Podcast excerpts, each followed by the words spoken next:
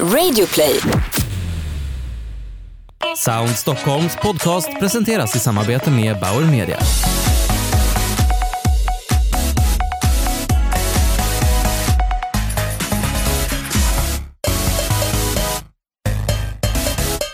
Välkomna till en podd där vi tar reda på hur ljud påverkar oss människor och hur varumärken kan använda ljud och ny teknik för att uppnå sina kommunikativa mål. Jag heter Thomas Nilsson och jobbar som reporter på Resumé.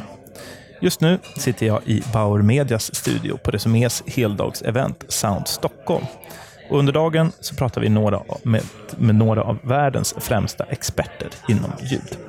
Framför mig har jag just nu Kalle Videlius, VD på Online Voices. För vad behöver dagens marknadsförare tänka på när det gäller röst? Kan vi inte gå tillbaka här? Du sa en av världens bästa. Är det jag alltså? Ja, Oj. men vi har globala Ja. eh, talare. Ja, jag, jag gillar den här starten. Ja, det var härligt att höra. Härligt att höra. eh, framför mig just nu har jag Kalle Videlius, VD på Online Voices. Och varför behöver dagens marknadsförare tänka på röst? Hur viktig är röstcasting, regin och ljudet för en kampanj? Företaget Online Voices har varit igång i 20 år och är just nu störst i Sverige på röster och ljudproduktion. Välkommen hit, Kalle. Tack så mycket. Finns den perfekta rösten för en kampanj? Den perfekta marknadsföringsrösten? Ja, den finns, men den kan låta väldigt, väldigt olika. Det kan vara eh, en tonårspojke ena gången och det kan vara en gammal dam andra gången. Det beror alldeles på vad man egentligen vill åt för känsla, vad det är för typ av varumärke och vilken målgrupp du vill nå. Så det är i princip samma typ av tänk som gäller för all annan marknadsföring och kommunikation. Allting är inriktat på, på Du slutkunden. måste tänka på vem du vill nå, absolut. Men eh, på frågan om, om det, den perfekta rösten eh, finns, eh, det där är ju så subjektivt också. En del anser att en manlig, mullrig promoröst eller trailerröst, vet du de här tra- eh, Hollywood-rösterna, det, att det är det bästa. Medan andra känner att nej, det där tilltalar absolut inte mig. Så att eh, jag tror att det skulle, eh, den perfekta rösten skulle kunna vara någon som kanske är helt oskolad dessutom. Du har ju själv eh, en del erfarenhet från den här sektorn som gammal hallåa på, på, Mm. på TV5. Hur bra tror du att din egen röst skulle funka och vilka skulle du nå med den? Jag blir oftast bokad när man vill ha någon som låter lite lagom tror jag. Lite lagom trevlig, lite, kanske lite lagom rikssvenska. Lite, ibland får jag bokningar för att jag har en lagom engelska. Man kan höra att det finns en brytning men inte exakt vilken. Eh, jag har väl en eh, lite ja, men en, en röst som kanske funkar i rätt många sammanhang. Så jag, jag gör ju rätt mycket inspelningar för eh, företagsfilmer och presentationer. Ibland är det för, ja, jag gjorde för någon idrottsgala här förra veckan och eh, för lite radio och tv-reklam för inte så länge sedan. Så men det, det beror alldeles på. Men eh, jag, gör, jag gör mycket inspelningar. Ni har ju varit igång i eh, 20 år eh, på Online Voices. Eh, hur skulle du säga, har, har, vi, har varumärken blivit allt mer medvetna om vilken typ av eh, röster man använder sig? Är liksom kunskapen hos marknadsförare och varumärken högre idag än vad den var då? Ja, kunskapen blir högre och högre. Eh, samtidigt så var det en liten klick med speakers, röster, skådespelare tidigare som gjorde sådana jobb. På 90-talet och kanske fram till 2005 så var det rätt få som delade på alla jobb. Eh, ju längre vi har kommit, desto mer brett har det blivit eh, antalet röster som, eller antalet människor som testar på det här yrket och eh, man, man vill kanske inte alltid ha de här klassiska rösterna, som jag själv egentligen. Eh, utan att då letar man snarare efter the guy next door eller som inte ska låta som en speaker utan som bara ska låta som vem som helst. Eh, och eh, En annan tydlig trend som vi har sett är att eh, det har blivit mer och mer vanligt att man använder röster som eh, eller eh, faktiskt tidigare var det mycket män, mycket manliga machoröster.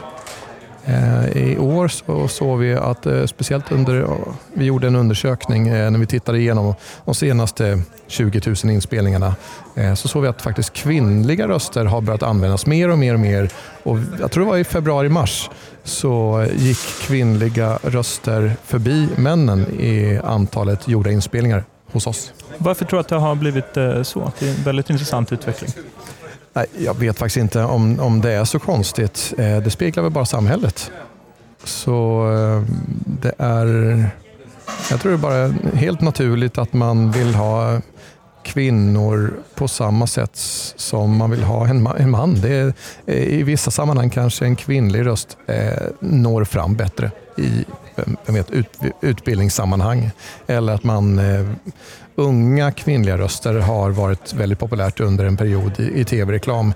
Eh, faktiskt när man tänker att marknadsförarna börjar ju faktiskt vända sig mer mot yngre kvinnor idag än för 20 år sedan. Eh, det var inte mycket bilreklam som gjordes för unga tjejer då, men det är det idag.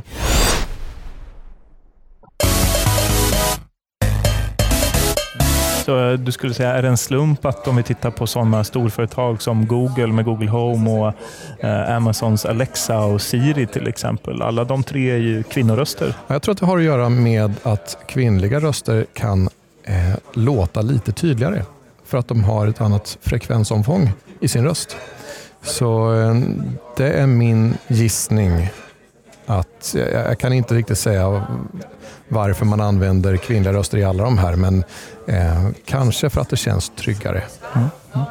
Vad skulle du säga att dagens marknadsförare oftast gör för misstag när man kastar sina röster eller man väljer röstskådespelare? Det är att man kommer på att det ska vara en speaker med i, i säg att det är en film, så kommer man på det ett par dagar innan filmen ska levereras. Så det är många som kommer och har panik. Åh, vi måste ju ha en röst också. Det vet man oftast i början av processen. Så att kanske planera in det lite innan så att man får den rösten som eh, man verkligen borde ha, den som passar bäst. Så att det inte blir någon som bara råkar kunna den här dagen de har deadline.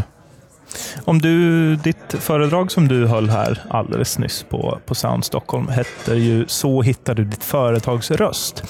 Om du skulle få ge tre tips, ganska handfasta, för ett företag som är ute och letar efter en röst till sitt varumärke. Vad skulle det vara?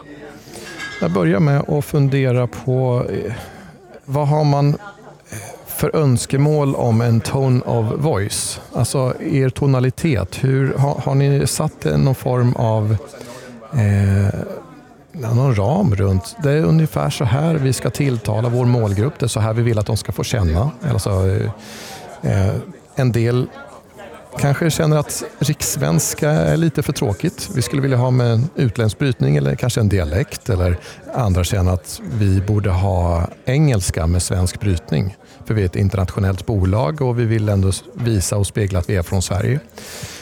Så det, det, är väl egentligen det bästa tipset att börja med att fundera på målgruppen och vad som passar och, och sen då eh, er egna vision om hur ni borde upplevas mm. med en tone of voice.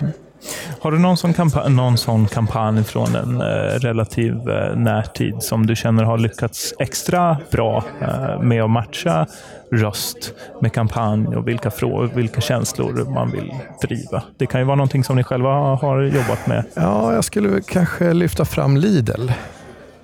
Lidl för mig för ett antal år sedan var en butikskedja, eh, mat, vad säger man, livsmedelskedja ja, ja. som var lite tråkig.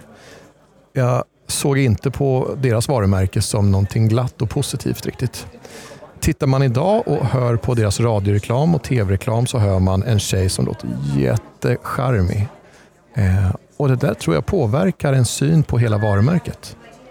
Så Lidl får bli mitt svar. Mm. Spännande att höra. Eh, varje gäst i den här podcasten har fått svara på varför de tror att vi just nu befinner oss i en ljudrevolution. Vad är ditt svar på den frågan? Att tekniken har hunnit ikapp oss. Vi har, vi har inga tekniska begränsningar längre. Och ljudet har en häftig förmåga att påverka människor i hela kroppen faktiskt. Och Tidigare så tror jag att det var, nej men det, förlåt, jag, jag svamlar känner jag, men eh, jag, jag svarar, de, de tekniska förutsättningarna finns nu och ljudet har en naturlig kraft att det, det, det personifierar varumärken. Vi, vi kommer in i en allt mer digital värld. Saker kanske blir, eller känns mer opersonliga. Men då kommer faktiskt ljudet och rösterna in och bara fyller oss med känslor. Eh, om vi tittar på filmen, eh, det var någonting jag nämnde på scenen, just att hur stor andel av eh, eh, en film som byggs upp från ljudet, en, eh, förlåt, hur stor del av känslan från en film som byggs upp av ljudet. Eh, och det är alltså 70 procent. Det är George Lucas som har eh, bedömt att ja, 70 procent av, av det, det, du känner när du sitter i biosalongen det kommer från dina öron och inte dina ögon. och lyssnar man på någon som Morgan Freeman, ja, men det är ju så härligt att höra en, en röst som verkligen tränger igenom och man, man bara väntar på att få höra mer. Så det handlar inte alltid, eller inte så mycket om vad du säger, utan faktiskt hur du säger det. Morgan Freeman tycker jag låter som en alldeles eh, perfekt slutpunkt att avrunda det här samtalet. Jag får tacka så jättemycket, Kalle Videlius, VD på Online Voices. Tack. Tack så mycket.